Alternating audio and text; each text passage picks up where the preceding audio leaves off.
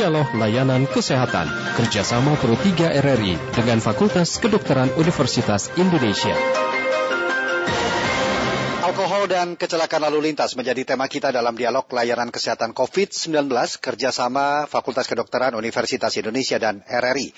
Kami akan membahasnya bersama dengan Dr. Oktavinda Safitri SP FMK MPD KID dari Departemen Forensik. Dan nanti kami undang Anda mendengar untuk dapat berinteraksi dalam dialog layanan kesehatan ini menghubungi kami di 021 352 3172, 021 384 4545, 021 386 6712 dan juga melalui pesan WhatsApp kami di 081 399 399 888. Ada dua data yang kami ambil terkait dengan kecelakaan lalu lintas. Data tahun 2019, hal ini disampaikan langsung dari bagian Direktorat Penegakan Hukum Korlantas Polri, bahwa total kecelakaan lalu lintas sebanyak 121.641 kejadian dan 888 kejadian atau sekitar 0,73 persen diakibatkan karena miras yang menyebabkan 241 orang meninggal dunia.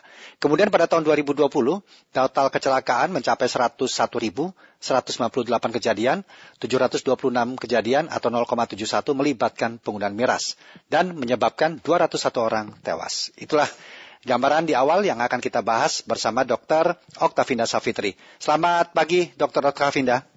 Selamat pagi. Apa kabar dok pagi hari ini? Baik, Alhamdulillah. Iya. Dua data tadi dok kami ambil dari mm -hmm. uh, Direktorat Korlantas mengenai bagaimana alkohol sangat berpengaruh terkait dengan atau memberikan sumbangsi bahkan tidak kecil juga dari kecelakaan yang ada di tahun 2019 ya. dan 2018. Kalau dari uh, Departemen Forensik sendiri bagaimana dok? Ya, eh, di kita juga datanya sebenarnya uh, mirip-mirip ya uh, hmm. di Jakarta karena kita di kebetulan saya di Jakarta ya, ya. bahwa memang uh, cukup banyak kasus uh, kecelakaan yang ternyata pada saat kita lakukan pemeriksaan itu terkait dengan alkohol begitu. Hmm, ya. Walaupun sebenarnya mungkin uh, saya juga nggak tahu ya alkohol ini sebenarnya budaya kita atau bukan gitu ya. ya, tapi dok mungkin bisa dijelaskan sebenarnya apa sih efek kalau kita mengkonsumsi alkohol terhadap tubuh kita? Ya, jadi memang alkohol itu uh, kecenderungannya menimbulkan apa namanya gangguan pada uh, otak ya. Jadi kemampuan uh, kontrol diri, kemudian uh, berpikir kritis, terus juga kemampuan untuk mengantisipasi keadaan itu juga berpengaruh gitu. Makanya sering menimbulkan kecelakaan gitu. Ya, dan apakah memang itu bisa bisa terjadi dalam waktu singkat atau memang membutuhkan waktu yang lama untuk berproses dalam tubuh kita? Nah, jadi ada penelitian yang mengatakan bahwa kalau orang Asia itu dia respon terhadap uh, alkoholnya itu agak berbeda gitu ya dengan orang uh, Barat gitu sehingga uh, ter, lebih sensitif gitu, lebih cepat terpengaruh gitu hmm. dibanding hmm. dengan uh, dengan kalau kita bilang orang bule gitu ya. Jadi memang uh, karena ada enzimnya yang yang di kita tuh di orang Indonesia rata-rata nggak ada gitu sehingga responnya cepat gitu begitu ya. konsumsi terus langsung muncul gejalanya yang ya kalau kita bilang orang mabok gitu ya, ya gangguan ya. konsentrasi mm -hmm. ngacau apa segala mm -hmm. macam gitu ada nggak sih dok eh, kadar tertentu yang uh, bisa dikatakan itu akan berpengaruh bahwa kita berada dalam ketidaksadaran ada jadi hmm. memang kalau uh, kita lihat ya uh, biasanya sih diukur di darah ya, ya. Uh, Ya, saya sekali terputus sambungan telepon kami dengan Dr. Oktavinda Safitri. Kami akan mencoba kembali menyambungkan untuk melanjutkan perbincangan. Anda kami undang untuk dapat berpartisipasi berinteraksi pada dialog layanan kesehatan kami di 021 352 3172, 021 384 4545 atau di 021 386 6712 serta melalui WhatsApp kami di 081 399 399 888. Alkohol dan kecelakaan lalu lintas. Data dari kepolisian tahun 2019 dan tahun 2020 menunjukkan bahwa uh, beberapa persen dari total kecelakaan yang terjadi disebabkan karena miras, bahkan menyebabkan kematian. Kami sudah tersambung kembali bersama dengan Dr. Oktavinda Safitri. Halo dok, mohon maaf tadi terputus. Halo, iya. sampai mana tadi ya? Sampai uh, kadar itu ya? Betul, ya. Oke, jadi kalau uh, kadar tadi yang mulai me, apa menimbulkan gangguan itu biasa mulai kelihatan gitu ya mm -hmm. gangguannya tuh di 30 mm -hmm. sampai 50 mg persen. Nah biasanya kalau udah mulai 150 mg persen tuh makin jelas. Kalau makin tinggi ya sekitar 200 itu biasanya udah mulai yang uh, ngoceh gitu ya, mhm. refleks-refleks mulai menurun, terus kadang-kadang udah jalan tuh udah mulai miring miring-miring gitu ya, mm -hmm. gitu. Kalau udah makin tinggi lagi ya tadi mulai uh, bahkan mungkin sampai pingsan gitu ya. Mm. Kalau misalnya udah di atas 400 biasanya udah uh, berbahaya gitu ya. Udah hmm. mulai kadar berbahaya kalau di atas 400 itu. Iya. Dan itu butuh waktu berapa lama, Dok? Uh, efek itu dirasakan pada tubuh kita?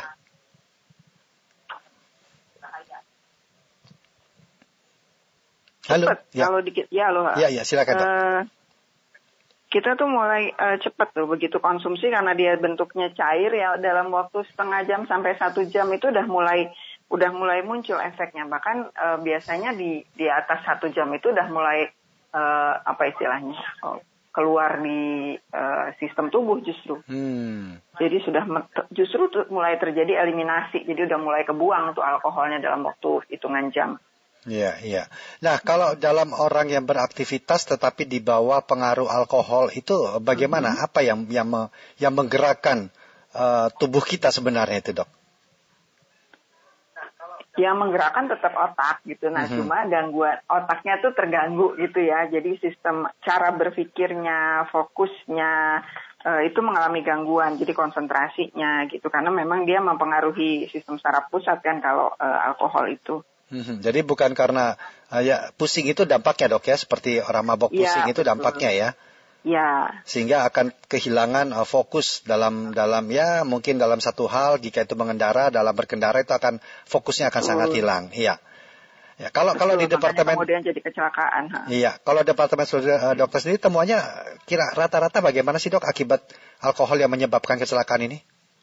Uh, kalau di saya karena kebetulan saya di di kamar jenazah banyak yang hmm. ketemunya udah dalam kondisi meninggal dunia ya. Iya. Artinya kadar-kadar yang dikonsumsi uh, ya. Jadi artinya hmm. iya hmm. betul. Jadi artinya kadarnya rata-rata udah di atas 400 gitu. Hmm, yang seperti tadi bahkan itu sangat berbahaya uh, bisa membuat orang pingsan itu, Dok ya. Iya, betul. Ya. Ada beberapa kasus juga kalau di Indonesia ini memang minumnya oplosan, uh, Mas Rudi. Iya, iya. Mm-hmm. Dan itu, itu berbahaya juga, ya? Oh, oh betul berbahaya karena jenis alkoholnya biasanya bukan alkohol yang dikonsumsi untuk minuman, mm-hmm. tapi uh, metanol atau kalau kita kenalnya istilah awamnya spiritus gitu. Oh, spiritus diminum yeah. bahaya sekali kan. Apa, apa yang membedakan gitu. dok dengan alkohol yang seperti biasa kita kenal dok? Uh, jenisnya kan dia yang satu etanol, yang satu metanol. metil alkohol, mm -hmm. metanol. Mm -hmm. Jadi memang kalau etanol itu bisa dikonsumsi dalam kadar tertentu, kalau hmm. metil alkohol atau metanol itu yang memang jelas berbahaya, bukan hmm. untuk konsumsi. Baik, gitu. baik. Ya, ini sudah ada pendengar, kita terima dulu Dokter Okta ya. Okay. Ada Pak Tohar di Manado. Selamat pagi Pak Tohar. Ya terputus bisa kembali dicoba Pak Tohar dan juga pendengar lainnya di 0213523172, 0213844545 atau di 0213866712 serta di WhatsApp kami 081399399888. Dok, selain itu apa bahayanya uh, yang yang berdampak secara langsung terhadap tubuh kita, Dok? Uh, macam-macam ya kalau biasanya sering mengkonsumsi alkohol itu biasanya hmm. hatinya pelan-pelan rusak. Hatinya itu dok ya? Hati, hmm. saluran pencernaan, hmm. itu uh, apa namanya lambung hmm. itu ya. Ya misalnya organ-organ yang terkait pencernaan pasti akan terganggu karena tadi konsumsi alkohol kan sesuatu yang uh, kurang baik gitu ya. Hmm. Kalau apalagi kalau dikonsumsi secara berlebihan. Iya, baik. Kita sudah ada pendengar lagi, ada dua pendengar. Kita terima dulu dok. Ada Pak Udin di Boyolali. Kemudian Pak Ramadan di Sorong. Pak Udin dulu, saya terima. Selamat pagi Pak Udin. Selamat pagi, Assalamualaikum. Waalaikumsalam warahmatullahi wabarakatuh. Silakan Pak Udin. Pak Rudi, Ibu Dr. Safitri Departemen Forensik. Apakah orang yang meninggal akibat kecelakaan, akibat dia minum alkohol juga, itu uh, bisa diperiksa atau mesti harus diperiksa? Itu yang meninggal karena minum alkohol, karena berkendara minum alkohol atau tidak gitu. Baik. Terima kasih. Ya. Assalamualaikum warahmatullahi wabarakatuh. Waalaikumsalam warahmatullahi wabarakatuh. Terima kasih Pak Udin. Kita tampung dulu, kita ke Sorong. Ada Pak Ramadan. Selamat pagi Pak Ramadan.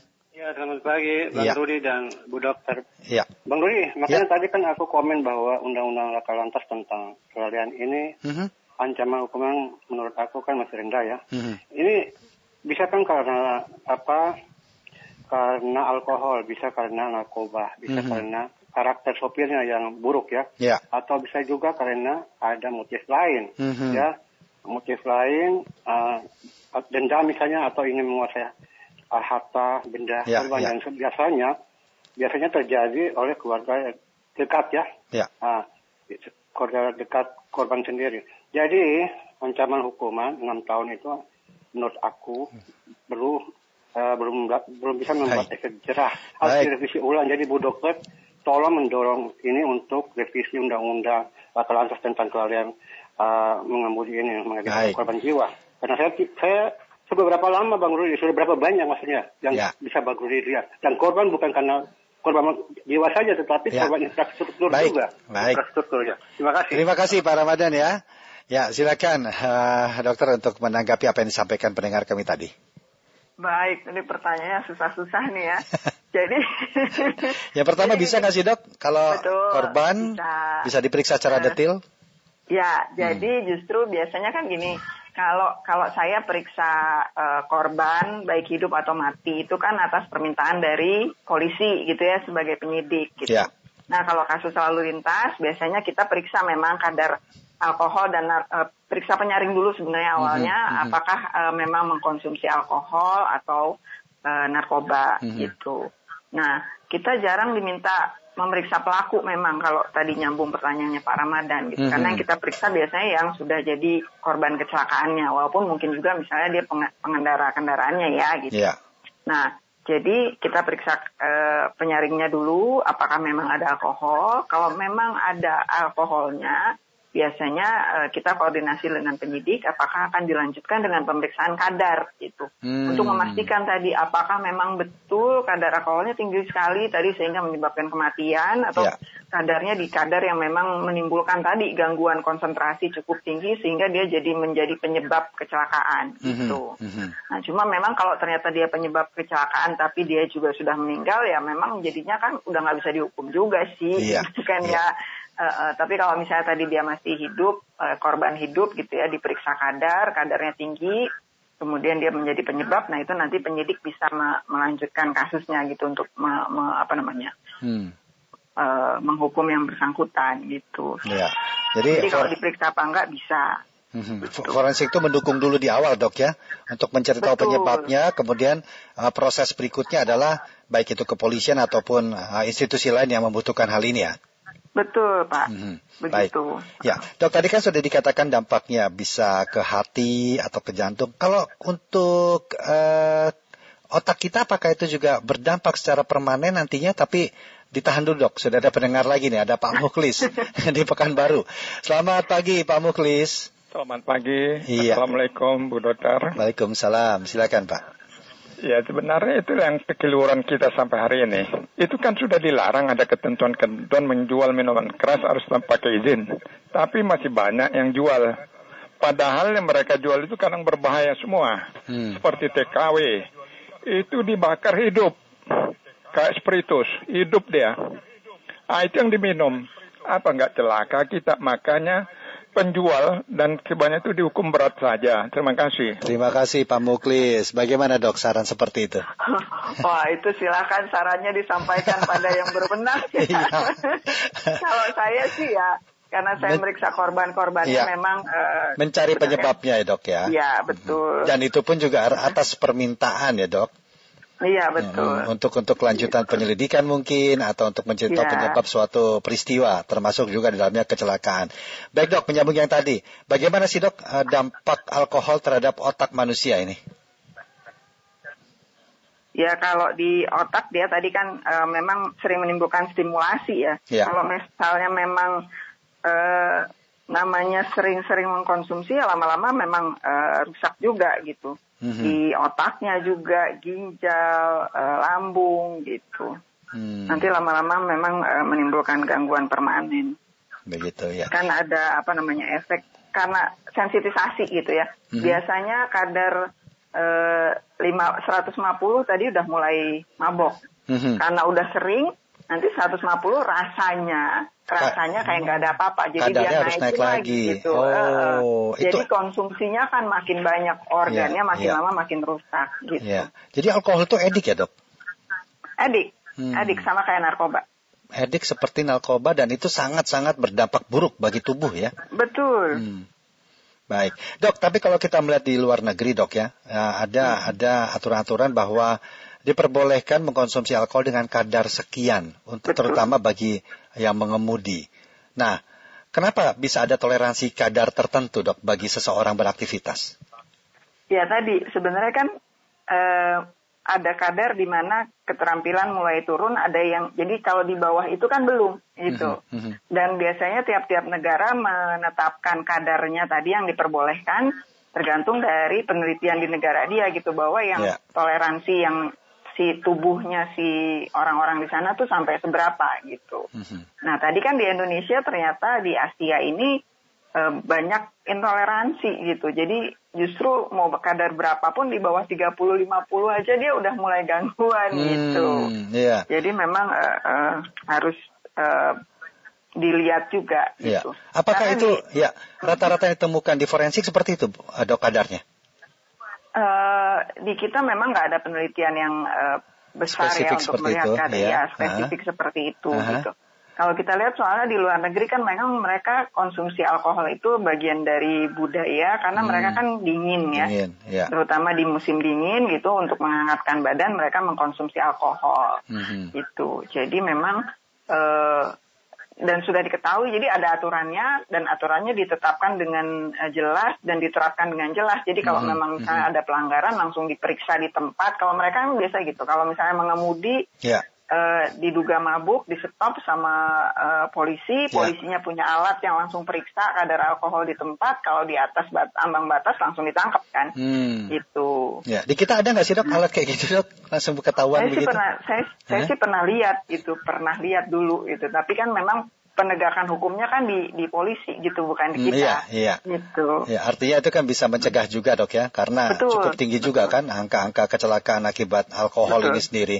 Ya, dan belum dampak yang di yang yang akan yang akan kita rasakan terhadap tubuh kita itu bisa dikatakan permanen nggak dok dampaknya, dampak buruknya? Iya dampak buruknya kalau dia kronis, kalau terus-terus mengkonsumsi permanen. Mhm. Apalagi Dan, memang eh, mereka memiliki penyakit-penyakit tertentu dok ya. Betul. Yang paling bahaya terutama di hati, karena hati itu kan eh, memetabolisme semua eh, zat ya. Ya, dan hati itu kompensasinya baik gitu maksudnya dia eh, kalau ada zat mulai rusak dia perbaiki diri sendiri tapi lama-lama kan makin rusak Baik. dan kita badan kita nggak menyadari gitu ya. bahwa Baik. hati kita mulai rusak tahu-tahu udah rusak banget Nah, gitu. itu yang berbahaya dan Mm-mm. jangan sampai Iya. itu terjadi. Iya. Jadi buat apalah nggak ada gunanya. Mungkin seperti itulah dok ya. Baik, Iya. mungkin dokter di akhir perbincangan kita bisa menyampaikan sesuatu apa yang yang bisa kita pelajarin dari yang kita ambil dari obrolan kita pagi hari ini dok. Ya, eh, terima kasih. Baik, jadi memang alkohol ini eh, adalah zat yang eh, tidak apa namanya istilahnya sesuatu yang eh, cukup berbahaya gitu ya, Mhm. menimbulkan adiksi yang harus eh, dikontrol. Kalau memang nggak bisa menyetop apa namanya konsumsinya, Mhm. paling tidak kita bisa mengendalikan jumlah yang kita konsumsi, Mhm. kemudian menyadari juga bahwa kita, kalau kita mengkonsumsi alkohol jangan mengemudi gitu, Hmm, itu. sehingga tidak membahayakan orang lain. Iya, iya, Itu mungkin barangkali mas. iya. Itu yang paling berbahaya. Artinya benar-benar kita melakukan sikap dewasa untuk memulai sebelum Betul. melakukannya. Baik, terima kasih Dokter Oktavinda sudah berbincang dalam dialog layanan kesehatan kami pagi hari ini. Kita nanti akan berjumpa lagi dok ya dengan tema-tema yang berbeda. Selamat pagi dok. Oke, selamat pagi. Ya. Terima kasih. Demikian tadi Dr. Oktavinda Safitri, SPFMK, MPD, KED dari Departemen Forensik. Demikian dialog layanan kesehatan kerjasama Pro 3 RRI dengan Fakultas Kedokteran Universitas Indonesia. Acara ini bisa Anda dengarkan setiap Senin sampai dengan Jumat pukul 9.30 waktu Indonesia Barat.